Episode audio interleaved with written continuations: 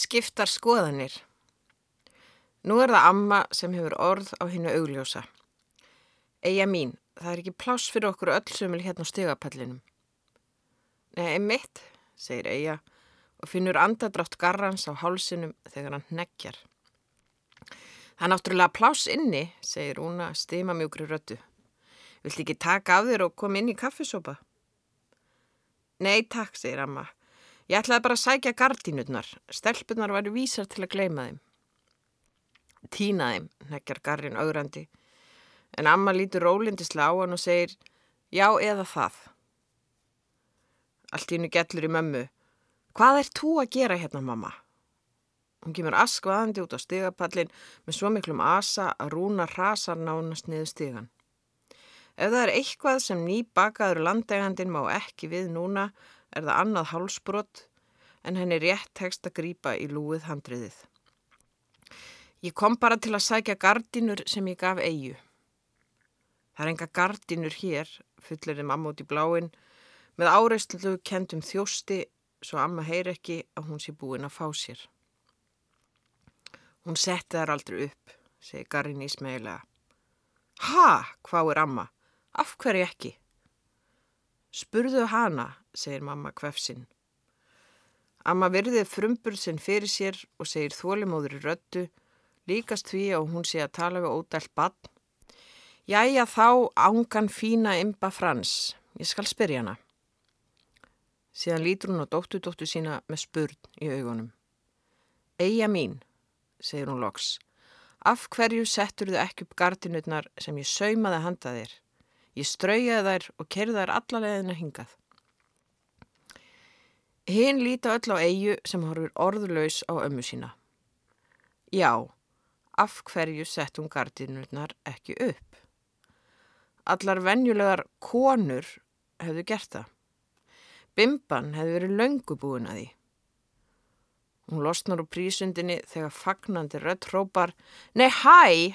Og Bimba smegir sér úr uppþóttu hönskonum áður en hún smellir kossi á ömmu. Sælelskan mín, segir amma og brosir ósjálfur átt. Er þú bara líka hérna? En ekki hvað, blæs Bimba. Einlega þyrstu við svona tíu mansi viðbót og slungu til að spúla burt skítin. Er svona skítugt hjá henni eigu? Amma horfir hreld á Bimbu sem kingar áfjöð kolli eiga geti drepið hana, skýtt með þó að þær séu nýbúnar að sættast. Á nú að kaupa ástur ömmu með slettu af æjaksi. Við myndum bara ekkert vita hvar við varum stattar án hennar bimbu, segir mamma við mömmu sína, væminni röttu þó að kerkju gæti í romnum, þegar hún bæti við að nú verður þær að fá að halda áfram. Er ég að tefja ykkur? spyr amma. Alls ekki, segir Rúna. Já, segir mamma. Negg, negg, segir Garrin. Nei, hrópa Bimban. Eia þeir. Ég var nú að enda við að segja að það er engan veginn pláss fyrir okkur öll hérna framme á stegapallinum, segir amma við mömmu. Og það var áður en þið tvær bættust í hópin. Af hverju stöndu við öll hérna? Já, mamma, þú er bara fyrir. Ef þú ferð þá byrja mamma en snar þagnar þegar hinn líta snögg á hana. Þegar engin annar tekur til mál segir amma, eiga mín, skokkaðu nú inn og kíkt eftir gardinónum. Hún veit ekkert hvað þar eru, staðhæfi mamma. Nú? Nei, sætt að segja botna ég ekkert í að þú, hafandi þekkt hana síðan hún fættist, látir ég til hugar koma að hún viti hvað varðum gardinutnar hún hlýtur að vita það, ég bara trú ekki öðru. Hún hefur ekki græna glóru um hvað þar eru. Er það rétt, eiga mín? Æ, mamma, við verðum að halda áfram, mjálmar mamma eins og unglingaveik stelpu skjáta. Er ég svona mikið að tröfli ykkur? spyrir amma stilt um rómi. Já, segir mamma, um leið og hinn endur taka fyrir upprópanir. Alls ekki, negg, negg, nei. Hvað segir þú, eiga? Ég, ég veit það ekki, svarar Eija. Ekki heldur um gardinurnar. Kanski, ég, ég veit um þær þegar það verður búið að laga til. Ég heyr ekki betur en þú veitir bara ekkert í þinn haus. Hvað í ósköpunum verður með í hendinni? ömmu svelgist á spurningunni. Tambursta. Nú skilja okkur í maðurinu með svartar tennur, rekkur út úr rúnu, líkt á garrin sé hirnalus. Ói, stínur bimban, snögga þrýfa tampustan af eigu og stingonum ofin í nærlikjandi póka sem rusli flæðir út úr. Amma varpar öndinni léttar. Hún lítur aftur á eigu og spyr, vilt ekki bara koma aftur með mér upp eftir svo konurna geti laga til í friði og ég byrjaði að strauja fötiðinn fyrir ferðina. Eija lítur á garran. Það glampar á vot, rauðsprengt augun, hann flýti sér að líti undan. Jú, kannski, tafsar hún og lítur spyrjandi mömmu sína sem segir henni endilega að gera það fyrir alla muni. Síðan þarf ég, við þurfum að kveðjast, segir hún og horfir á álútan kollin á garranum. Þið getið haldið því áfram setna, segir amma mynduglega, en núna skaltu koma með mér. Það er best. Já, ekki spurning, kvín í bimbunni um leið og hún smellir upptáttahönskonum aftur á sig. Rúna tekur heilsfjör undir það og spyr síðan, en er ekki sniðut að hún taki þetta með sér, svo það týnist ekki? Hún veifar viðtalinu við nektadansmeina framann í ömmu. Jú, segir amma, ætli það ekki. Hún lítur á eigu og byrður hana um að minna sig á að koma við í bókabúð til að kaupa ramma. Á bara ramma viðtalið inn, hlæri mamma háðslega en snar þagnar þegar amma spyr hvort það sé ekki betra en að láta bara allt, alltaf hreint drabbast niður. Eija býður eftir að garrin heggi en hann er þagnaður. Kanski, segir mamma, skindilega þreytuleg. Líkt á hann að langi mest að sökva inn í sjálfa sig. Djúft, djúft, djúft inn í flauilsmjúkt svartnætti. Hún snýr sér á rúnu og segir Já, ég elskan, við skulum klára að skrúpa upp skýtin. Unglingafrængan. Ég skil bara ekkert í henni með möðinni. Af hverju hún verður stundum svona reið, segir amma þegar þær eru sestar út í bíl. Leður hanskarnir kvíla í annari hendi, hinn á stýrinu. Hún horfi framfyrir sig en býður með að starta bílnum. Og hún er bara svo sérvitur, segir Eija. Er það eitthvað sem ég gerði spyr amma fjarræn og einlag í senn. Nei, þú ert bara barn þíns tíma eins og við öll, segir Eija yfirlætislega og undrast um leið eigin mælsku. Amma lítur gáttuð á hana. Þögulum stund, síðan spyr hún, finnst þér það? Já, eiginlega, segir Eija, upp með sér að því að vera ekki vandamálið í þetta sinn. Hún gæti sagt ömmu að mamma þusu um að mamma sín komi stöðugt inn hjá sér samvinskupiti en þá gleimist að innræting samvinskupits er og hefur sennilega alltaf verið samkvæmisleikur hjá móðulegnum, kendum við breyðarfjörðar ílskuna. Þar koma allar inn samvinskupiti hver hjá annari, hver á sinn hátt svo að jafnast út. Hún gæti líka giskað í eðurnar og sagt við ömmu að mamma hefði verið hjá aðeins og mörgum badfóstrum meðan þau afi voru í útlöndum eða orði fúli yfir að hafa verið sendt í nunnuskóla í Sviss þegar hún vildi bara vera sveitakrakki í gummitullum. En hvað veit hún? Mamma segir ímislegt en hún lifir í solkerfi skaldskaparins þar sem ríkir aðeins eitt lögmál. Hafa skal það sem hljómar betur þá stundina svo hugsanlegar ástæður er í bestafalli tilgátur ef ekki hugarburður. Hún er svo góð stúlka, hún mammaðinn, segir amma með trega. Við höfum bara aldrei skilið hvort aðra. Já, segir Eija og hugsaður um öll skiptin sem mamma hefur skotið eitruðum pílum yfir nánu sambandi dóttu sinnar og móðu sinnar, fullum af aðdróttunum um að svona hafið þetta nú ekki alltaf verið í skjóli ömmu mömmu þeirra. Húsmóðurinn hafi stöðut þurft að gera það sem þurft að gera á ríkmannlegu kultúrheimili lengst upp í sveit þar sem allt átt að vera til alls. En mömmu var sama um góða matin mömmu sinnar sem hún vaknaði eldsnemma til að útbúa og líka falluðu lópapeysunar sem hún prjónaði á dætur sínar á kvöldin af sömu örlátu skildurekninni og hefði vakið langömu klukkan fimm á modnana svo hún geti gefið þremu dætrum sínum ríateppi í jólagjöf þegar þær voru allar komnar með parkett og eiginmann því það þurfti bara að gera sig.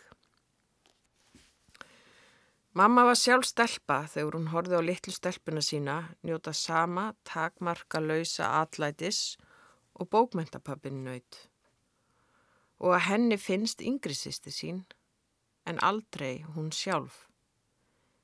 Ímyndar mamma sér þegar líða tekur á nóttina, óviss um hvort hún eigi að taka mark á flögtandi skinnjun sinni. Ég skil bara ekkit í henni, segir Eija, ákveðin í að láta þarfi sitja, því ef hún segir eitthvað fleira er hægt við að amma verði sorgmætt á svipin. Hún kvartar aldrei en sorgmætti svipurinn á andliti hennar nægir til að gera Eiju niðurbrotna. Aflið sem þeitir henni út úr sjálfri sér og inn í höfuð annara er kröftugt. Þetta afl fær hana til að hugsa um aðrar manneskjur í vonum að skilja þær. Oft nærandi en stundu svo krefjandi að hana langa mest til að hverfa. Hún sem var alltaf eins og hugurmanns, muldrar amma dreyminni röttu. Já, einmitt, segir Eija Óþröyu fulla amma fara stað svo byðin í næstu síkarettu verð ekki óbærilega laung. En amma er ekkert að flýta sér. Hún grýpur í speilin á framrúðinni og snýr honum að sér meðan hún jafnar út rúpinröðan varalitinn á vörunum. Síðan þerrar hún fingurna með samabrotnum vasaklút, stingur honum aftur ofin í veskið og smegir höndunum í hanskana. Lítur á eigi og spyr Veist þú af hverju hún er svona? Nei, segir Eija. Kanski bara að því, að því hún tekur vittlusar ákvarðanir, mannstu, eins og ég. Hún er ekki eins og þú, Eija, segir Amma. Og þú ert ekki eins og hún. En þá veit ég ekki, tautar Eija. Hún var svo dugleg þegar hún var um þér og yngri. Guðmingóður hvað hún var dugleg, segir amma og setur bílinn í gang. Hún keirir heim með sólina í nakkan og segir eigi og allt um hvernig það var sóst eftir mömmu í kennslu. Hún þótti svo góð með börn og góð að kenna tungumál og teikningu. Um tíma börðust blöðin um pislana hennar. Ókunnugir menn byðinu útgáfursamning fyrir óskrifaða bók. En hún unga mamman með öll þessi börn, saði nei. Hún var líka svo ung, miklu yngri en þegar amma átti dætur sínar. Amma var komin yfir þrítugt þegar þær fættust. Mamma var ekki orðin þrítugt þegar hún átti þrjú börn og börnin tvo hunda, þrjá skrautfugla og eina kaninu. Hún var svo dugleg að annað fólk baðana fyrir börnin sín, eins og unglingafrænguna. Unglingafrænkan kom með hátegisrútinni. Eija var búin að býða alla morgunin út í stofuglukka til að sjá þegar rútan byrtist í ásónum. Hún átt að dvelja hjá þeim í nokkrar vikur. Stundum hafði Eija fengið að gista hjá unglingafrænkunni og sýsturennar sem var ennþá meiri unglingur þó þær væri báðar ennþá börn. Þær flissuðu báðar þegar mammaður ekki af Eiju elskulegan selbit á búsna kinnina og spurði hvort henni þætti gott að borða. Hún góndi hreld á þessa fasmiklu óperusöngkonu með stóra brosið meðan sýsturnar liðuðust flissandi niður í gólfið. Og nú var yngri unglingasýstrin komin til að búa heima hjá henni. Bara mætt laung og mjó í tískufötum með hári klift í drengjakoll. Dularfullt bros líkum varirnar. Blá, ögn útstað augun, vissu eitthvað sem Eija vissi ekki. Hún var allt sem Eija þráði að vera. Dægin sem hún kom las Eija sér til um mannasiði í gömlum bókum hjá ömmu og stalst í nærfattaskápinennar til að stela ströyið um vasaklúti. Unglingafrængan rétt náði að leggja frá sér ferðartöskuna heima hjá mömmu þegar Eija dró vasaklútin fram og sagði ofur kurteis Ef þér þurfið að snýta yður, þá eigum við bæði vasaklút og klósettpapir. Unglingafrænkan grét úr hlátri, niðurlægingin lifði út sömarið. Í hvert skipti sem Eija sagði eitthvað flissaði unglingafrængan. Nema í eitt skipti. Þá svara hún svo förðulega að Eiju láðist að rosa sigri. Hún hafði setið fyrir unglingafrængunni þegar hún röldi út innkersluna með sundföt í póka til að spyrja hvort hún vildi heldur deyja á morgun eða lifa í miljón ár. Deyja á morgun, svaraði unglingafrængan án þess að hika og hallaði sér upp að grindverkinu svo sveia kom á langan líkamann. Deyja á morgun, kvakaði Eija og horða á skuggan af trjánum leikum og andlit hinnar Gólan var ofinni hlýð þennan daginn. Já, sagði unglingafrængan, það er ekkert gaman að lifa í miljón ár ef allir sem það er þekkir eru dánir. Eija gafti. Akkur hafði hún ekki sagt sér þetta sjálf. En frængan hafði þó svarað. Vanalega sagði hún bara, ég veit það ekki, þegar einhver spurðan einhvers. Pappi reyndi stöðut að lokka svar út úr unglingafrængunni því honu fannst svo gaman að erslas með krökkunum og hundunum. Hálgerður strákur sem hló stríðin í hvert skipti sem hún saði ég veit það ekki. Pappi, ert í góðu skap í dag? Unglingafrængan. Ég veit það ekki. Pappi, eigum að skreppi veiðitúr? Eija og akka og hengur. Já, já, já. Unglingafrængan. Mér er alveg sama. Pappi, eigum kannski frekar að fara í fókbólta? Unglingafrængan. Þú ræður. Pappi, ertu nú viss um það? unglingafrænkan. Ég veit það ekki. Og Efi nátti rétt á sér því mamma bannaði þeim að fara í veiðutúrin. Egi átt að passa ögg og hæng meðan pappi dittaði eldusvaskinum því hún, hún þurfti að fá að tala við frængu þeirra í friði. Hún var alltaf að því fannst Egi sem var orðin döðleið á samsarinu. Svo það var ekki farið í bíltúr þennan daginn. Samt var hann góður, minnir hana hvarf út í buskan eins og allir aðri dagar. Eftir lifir liftur á modni, mynd af gelgjulegri stelpu sem eftir aukslum þegar hún hallaði sér upp að grindverkinu eins og alla daga og brosti döft en kankvist, svo mjó að eigu grunaði aldrei að hún var í þann mund að springa af harmi. Hún jaflaði á tyggjói í sólinni, flissaði. Og hvað er annað hægt að gera þegar maður er ekki einu snorðin alvöru unglingur og mamma manns er að deyja og krabba minni og maður er skindilega fluttur upp í sveit til fólks sem hefur aldrei mist mömmu sína. Svo kom annar dagur og annar og þann daginn var mamma dáin.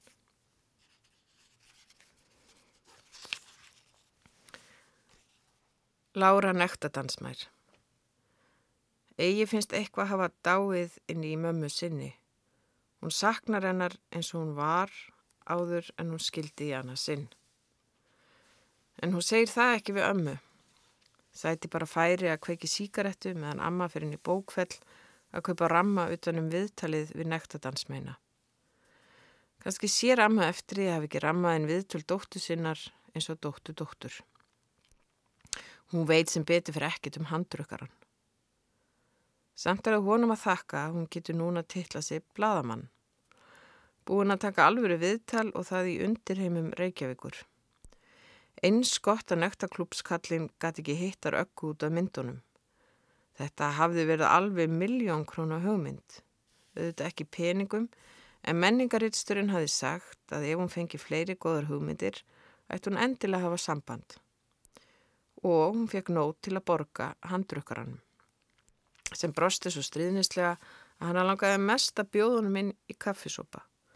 Kanski les upp kabla úr sögunni sinni fyrir hann og nei hvað var hún að ruggla og hún var gift. Ætti hún að segja menningaristjórnum frá þessari exotísku heimsókn ef hún skildi vera býð eftir fleiri viðtölum. Þegar hún kemi heim var ég kannski ekki vittlust að byggja handrukkaran um viðtal Hann erið flottur og forsýðu með þetta síða hár og íspjarn á tönnina um hálsin. Hún hlita geta fengið sínu framgengt eins og síðast. Það hafði hún hlassað sér í stólinn fyrir fram að skrifborðið og brosað sínu blíðasta. Þannig til menningarittstjórin sagði háttvísum spurnartón Ég held þú ætlaður að skrifa fleiri pistla handa mér. Mér langar meira að taka viðtal. Við erum með fólkir innan hús sem tekur viðtöl. Já, en þetta er öðruvísi. Menningarittstjórin virt hana fyrir sér með skítugt hár í anþá skítur í lópapeisu og beigð átækta. Þegar Eija sagði ekkert leit hún leikræknd og úr sitt en let sér þó hafa að spyrja hvernig. Mér langar að taka viðtal við nektadansmei á stað sem ég skoðaði um daginn. Eija þagnaði. Hún smegði sér undir frönsku klippingun á menningarittstjóranum og fann hvernig töfratnir urði raunsægir eins og í fyrstu heimsókninni með mömmu. Lofti skaut gneistum og menningarittstjórin sá blóð vætla úr pennanum sínum Árið 90 og eitthvað voru nektaklúpar á Íslandi en þá framandi heimur. Blaðamenn skrifuð um klúpana en hættu sér sjaldan inn í veruleika þeirra. Í eirum menningarittstjórnans hljómaði þetta eins og stelpukrakkin hefði stungið upp á viðtali við mafjósa. Getur þú fengið viðtal, spurði hún og þerraði pennan sinn. Ég kannast við mannin sem reyku klúpin. Kannastu við hann? Já, ég hitt hann um daginn út af smá viðskiptum. Menningarriðstjórun þagði, leit út um gluggan. Þegar leit hún aftur á eigu og sagði, ég kaup ekki svona efni, en helgarbladið gerir það. Ég skal tala við þau þar. Í alvöru? Já, myndu samt að við kaupum ekki viðtali nema það hendir rittstjórnarstefnunni. Það verður nógu gott, lofaði eiga uppfulla væntingum um ævintýri með nektadansmegjum. Nú er hún alveg svo bladastúlkan sem fann fjöldagrafinnar í ást og skuggum eftir Isabel Allende. Hanna vantaði bara móturhjól og myndavél. Mér vanta myndavél, sagði hún, óþægilega afsakandi að eigin mati. Þú fari ljósmyndara, sagði menningarittsturinn eins og ekkert væri sjálfsæðara. Ég læti fá síman á ljósmyndadeildinni og þú ringir þegar hann á að koma. Það kom hika menningarittstjóran. Hún leitt móðulega á stelpun og sagði, ringdu líka ef eitthvað kemur upp á. Já, gætti þín á þessum glæbamönnum. Aðvörunar orðin fuguð inn um annað eirað og út um hitt. Strax daginn eftir röldi eiga í nektaklubin og prísaði sér sæla að útitinnar voru opnar en dýravörðurinn hverki sjáanlegur. Hún arkaði inn, beinustu leið að skrifstofu klubstjórans og bankaði. Það heyrist skark, augnabliki síðar opnaðan dittnar.